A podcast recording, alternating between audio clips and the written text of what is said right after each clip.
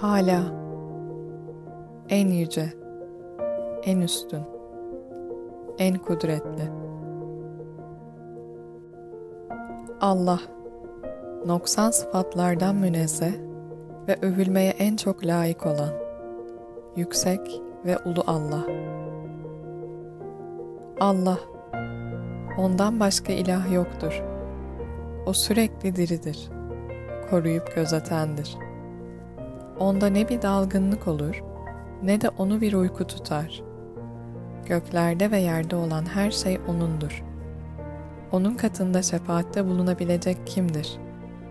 Onların önlerinde ve arkalarında olan her şeyi bilir.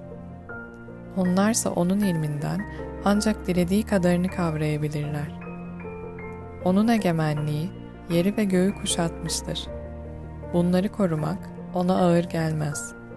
O çok yüce, çok güçlüdür. Onlarsa Allah'ın yanı sıra kendilerine ne bir zarar ne de bir yarar sağlayamayan şeylere kulluk ediyorlar. Bunlar Allah katında bizim şefaatçilerimizdir diyorlar. Siz Allah'a göklerde ve yerde kendisinin bilmediği bir şeyi mi haber veriyorsunuz? Allah onların ortak koştuklarından münezzehtir ve çok yücedir.'' Allah onlara salih bir evlat verince, kendilerine verilen şeyde onu ortaklar koşmaya başlarlar. Allah onların ortak koştuklarından yücedir. Cinleri Allah'a ortak koştular. Oysa onları da O yaratmıştır. Bir bilgiye dayanmadan ona oğullar ve kızlar isnat ettiler. O, onların niteledikleri şeylerden uzaktır ve yücedir. Kadınlara, çocuklara, yığınlarla altın ve gümüşe, soylu atlara, davarlara ve ekinlere karşı aşırı düşkünlük gösterirler. Bunlar dünya hayatının süsüdür. Asıl varılacak güzel yer Allah'ın yanındadır.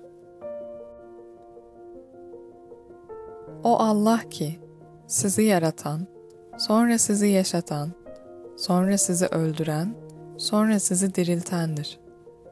Ortak koştuklarınızdan bunları yapacak olan var mı? Allah onların şirk koştuklarından münezzehtir. Yüceler yücesidir. Allah'ı hakkıyla takdir edemediniz. Siz sadece ona şirk koşulduğunda inanıyordunuz.